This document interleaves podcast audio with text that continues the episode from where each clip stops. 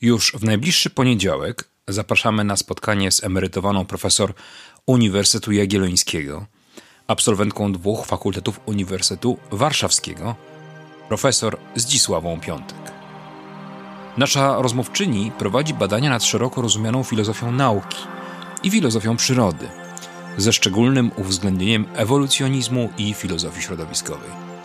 Jest autorką wielu książek oraz ponad 120 artykułów naukowych w czasopismach polskich i zagranicznych.